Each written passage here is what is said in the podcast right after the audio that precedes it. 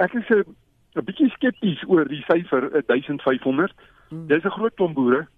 Ons het op hierdie stadium so net meer as 3000 Suid-Afrikaanse en Zimbabwese kommersiële boere wat elders in Afrika boer. En Afrika is by verre die grootste beleggingsbestemming primêre produksie vir onder Suid-Afrikaanse boere.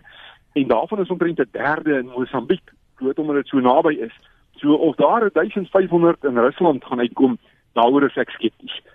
Theo die Jager sê die Russe se dryfkrag is om genoeg kos te produseer. Dit gaan eintlik maar oor 'n groot poging wat die Russe aanwend om selfvoorsienend te raak in landbouproduksie, veral nou as gevolg van die sanksies wat die Europese Unie en die FSA teen Rusland ingestel het 'n paar jaar gelede vanweë die konflik in die Oekraïne. Dit was 'n slag vir die Russe. Dit het onmiddellik gemaak dat daar tekorte was en vir die soveelste keer het Rusland hierdie keer gesê maar hy gaan probeer selfvoorsienend raak Die vraag is hoekom landbouers uit Suid-Afrika so 'n aanbod sou oorweeg, gesien in die lig van die wat die argument huldig dat boere in Suid-Afrika se veiligheidssituasie nie verskil van ander Suid-Afrikaners nie. Theo de Jager sê Suid-Afrikaanse boere oorweeg oorsese moontlikhede weens verskeie redes. Die onsekerheid in Suid-Afrika en onder die onsekerheid is daar veral twee oorwegings. Dit gaan oor die huidige stand van grondsake daar's boere wat die onteiening sonder vergoeding debat vreeslik ernstig opneem. Dit veroorsaak 'n klomp spanning en onsekerheid. En dan is daar baie beslis ook die veiligheidsoorweging, plaasaanvalle en plaasmoorde en dis meer. En dan ook beleidsrigting. Ons het 'n baie sterk ontwikkelde landbou beleidsomgewing in Suid-Afrika. Dis net elders in Afrika is daar nog nie 'n sterk beleid nie. En is dit dan nogal maklik vir boere om die omgewing in te rig soos wat dit hulle pas? Die Russe het gevestigde hoender en varkproduksie, maar het nie genoeg veeproduksie nie. Aldus Theo die Jager. Die beesboerdery is vir hulle 'n dringendheid en 'n enorme behoefte. Hulle produseer nie 20% van dit wat hulle op die oomblik nodig het nie. Dit wat hulle nou nodig het, is maar die bestaande vraag oor die algemeen.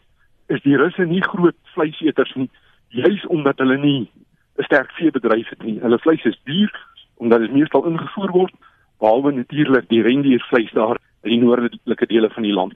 Hulle is baie gretig om met die beesbedryf kontak te maak. In Junie is berig dat 'n afvaardiging van sowat 30 Suid-Afrikaanse families in Rusland se landbougebied Stavropol besoek afgelê het. Toe ek in Rusland was in Mei maand, het hulle minister en vier van hulle vyf adjunkministers afsonderlik my gesien en wou hulle weet wat moet ons doen om Suid-Afrikaanse, Zimbabwese en Namibiese boere hierheen te lok.